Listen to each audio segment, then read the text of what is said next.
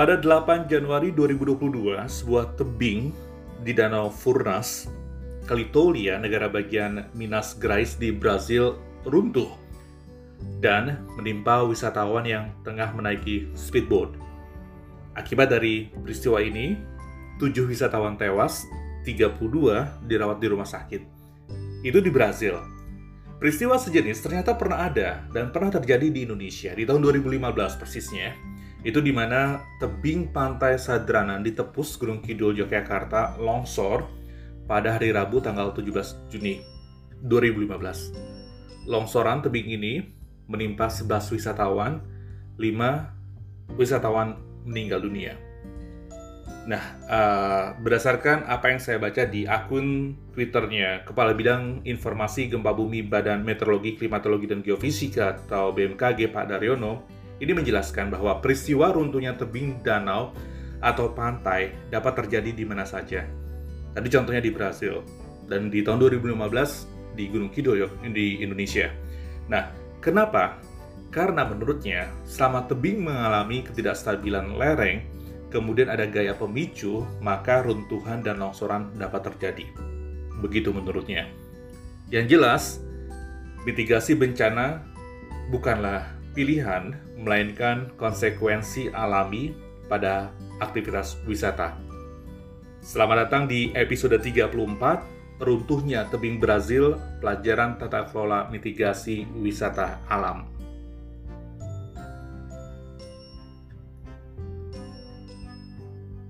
Data di tahun 2019, wisata Indonesia ini berada di peringkat 7 versi Lonely Planet. Kekayaan alam, budaya, dan kuliner ini menjadi beberapa alasan wisatawan asing berkunjung ke Indonesia. Dengan rekomendasi ini tentunya dapat dikatakan bahwa pariwisata di Indonesia ini semakin dikenal dunia. Namun, ada hal fundamental yang juga harus dipahami. Indonesia ini memiliki kodrat geografis sebagai negara kepulauan atau maritim. Ya, Indonesia merupakan negara kepulauan terbesar di dunia dan secara geografis karena terletak pada wilayah cincin api dunia, hal fundamental yang juga harus dipahami adalah konsekuensinya Indonesia memiliki potensi bencana yang sangat besar. Artinya apa? Artinya, meski sektor pariwisata menjadi salah satu sektor andalan pemerintah untuk mendapatkan atau meraup pendapatan atau devisa dalam hal ini, di sisi lain, pariwisata adalah industri yang selalu dihantui oleh krisis dan bencana kita uh, pahami sekarang dua tahun terakhir industri pariwisata ini krisis karena akibat dari pandemi COVID-19. Belum lagi bencana-bencana yang juga terjadi. Sehingga sektor pariwisata harus selalu siap siaga menghadapi bencana. Tentu, hal tersebut menjadi tak menguntungkan bagi sektor pariwisata. Tetapi yang terjadi adalah sebagian besar kawasan wisata alam berada pada kawasan yang rawan bencana. Pikirkan, seperti eh, erupsi gunung, gempa bumi, dan tsunami. Benar nggak?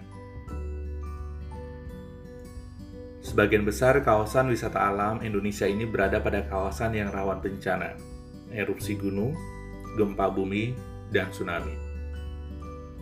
Benar nggak? Di Indonesia, nggak sedikit kegiatan wisata ini dikembangkan pada kawasan pantai. Pantai selatan Pulau Jawa misalnya, di Gunung Kidul misalnya di Yogyakarta. Sementara beberapa bulan terakhir muncul informasi megatrust di selatan Pulau Jawa, potensi megatrust yang menyebabkan tsunami.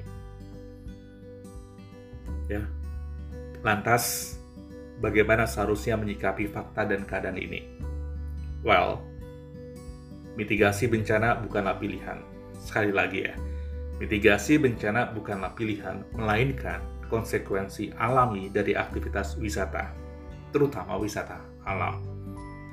Nah, Kemenparekraf atau Baparekraf sejak 2019 telah membentuk mitigation plan yang mengacu pada standar UNWTO atau United Nations World Tourism Organization yang terbagi dalam tiga tahapan, yaitu tahap tanggap darurat, pemulihan atau rehabilitation, dan normalisasi.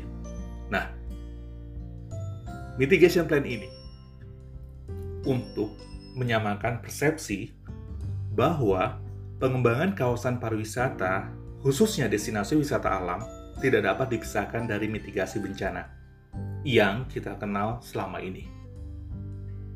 Tanggap darurat, pemulihan, atau rehabilitation, dan normalisasi.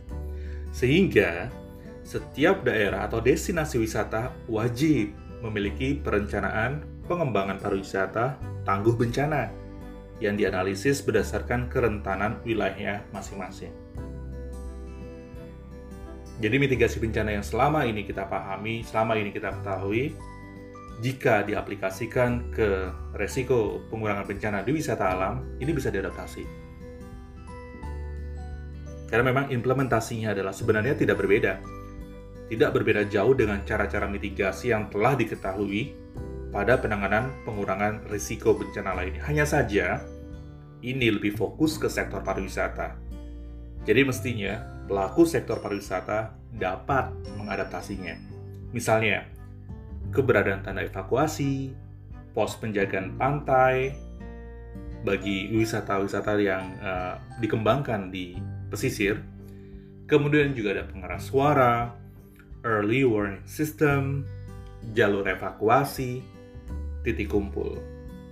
Ini kalau di tingkat kabupaten atau kota madya atau di eh, wilayah-wilayah uh, yang memiliki wisata pantai, tentu pengelola wisata ini bisa berkolaborasi, bisa beradaptasi, atau bisa memanfaatkan, atau bisa lebih memperkuat mitigasi bencananya. Nah, kemudian selain itu, ketersediaan sarana dan prasarana kesehatan ini juga tidak kalah pentingnya. Sebenarnya hal yang saya sampaikan di atas ini pernah saya sepaparkan di episode ke-30 yang judulnya wisata air, waspadai La Nina, ini mitigasinya. Nah, jadi sebenarnya nggak ada salahnya juga buat saya untuk merefresh lagi konten untuk yang ke episode 34 ini. Karena yang tidak kalah penting tentunya sertifikasi. Ya. Tadi dari uh, tanda evakuasi untuk yang bisa dilihat oleh pengunjung.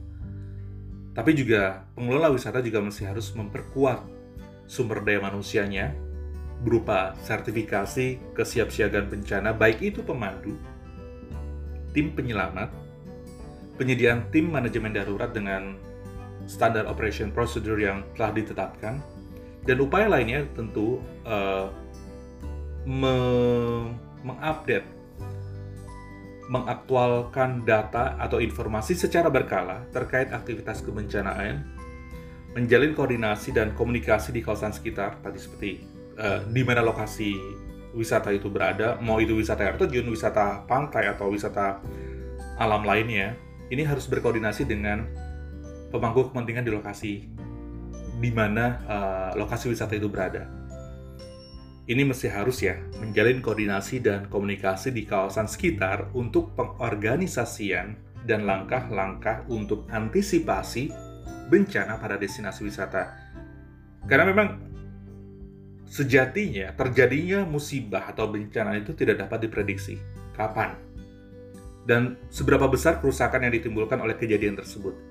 Jadi, aspek keamanan dan keselamatan dari bencana merupakan salah satu bagian hal yang paling diperhatikan wisatawan saat menentukan destinasi wisata. Ingat, keamanan merupakan isu yang patut diperhatikan dalam industri pariwisata. Tidak hanya pelaku atau pengelola wisata, tapi juga mereka, warga, pengunjung yang datang berkunjung atau berwisata ke lokasi wisata.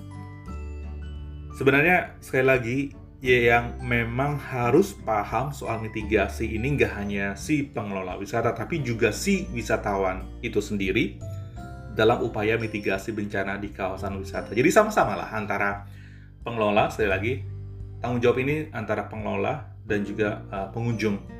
Di dalamnya juga ada pemerintah yang juga mengawasi. Ingat, sekali lagi, mitigasi bencana bukanlah pilihan, melainkan konsekuensi alami dari aktivitas wisata.